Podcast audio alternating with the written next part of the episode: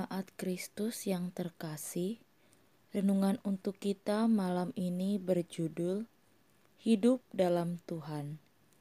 Dan bacaan kita diambil dari kitab Hosea 6 ayatnya yang ke-1 sampai dengan ayatnya yang ke-6. Beginilah firman Tuhan.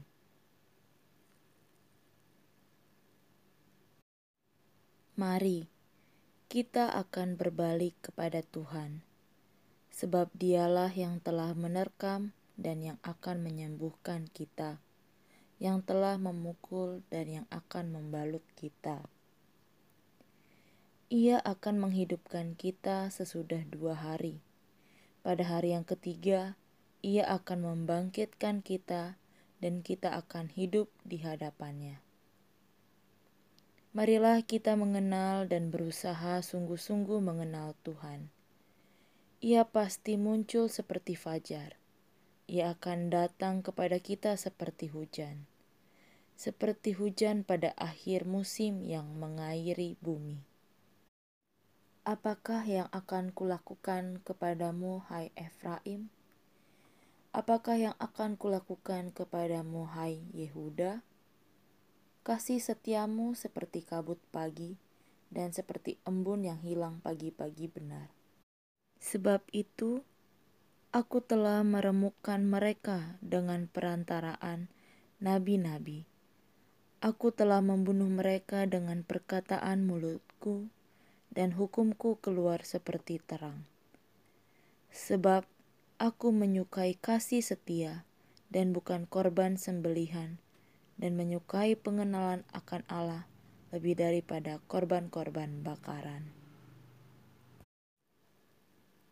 Sebagai orang Kristen, semalas-malasnya kita, pergi ke gereja adalah sebuah aktivitas yang terpikirkan dalam sanubari kita.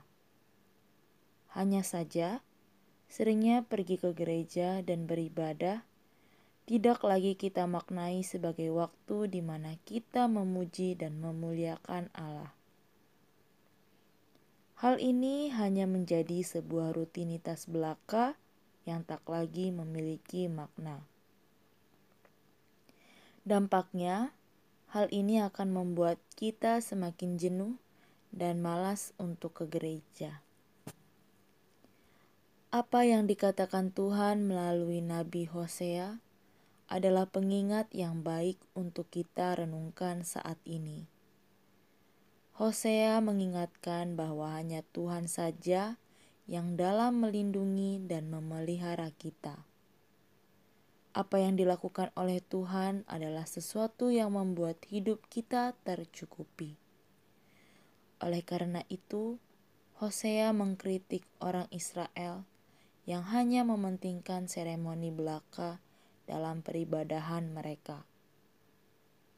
Mereka sangat semarak dalam beribadah,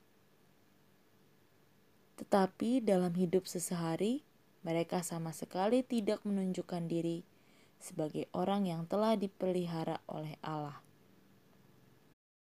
Jadi, hidup dalam Tuhan bukan hanya berbicara tentang tindakan liturgi dan seremonial belaka Justru hidup dalam Tuhan harus mewujud dalam kehidupan hari lepas hari kita. Temukan dan sadari kasih Tuhan dalam hidup kita. Hal itu yang akan membuat kita sadar bahwa kasih Tuhan begitu luar biasa.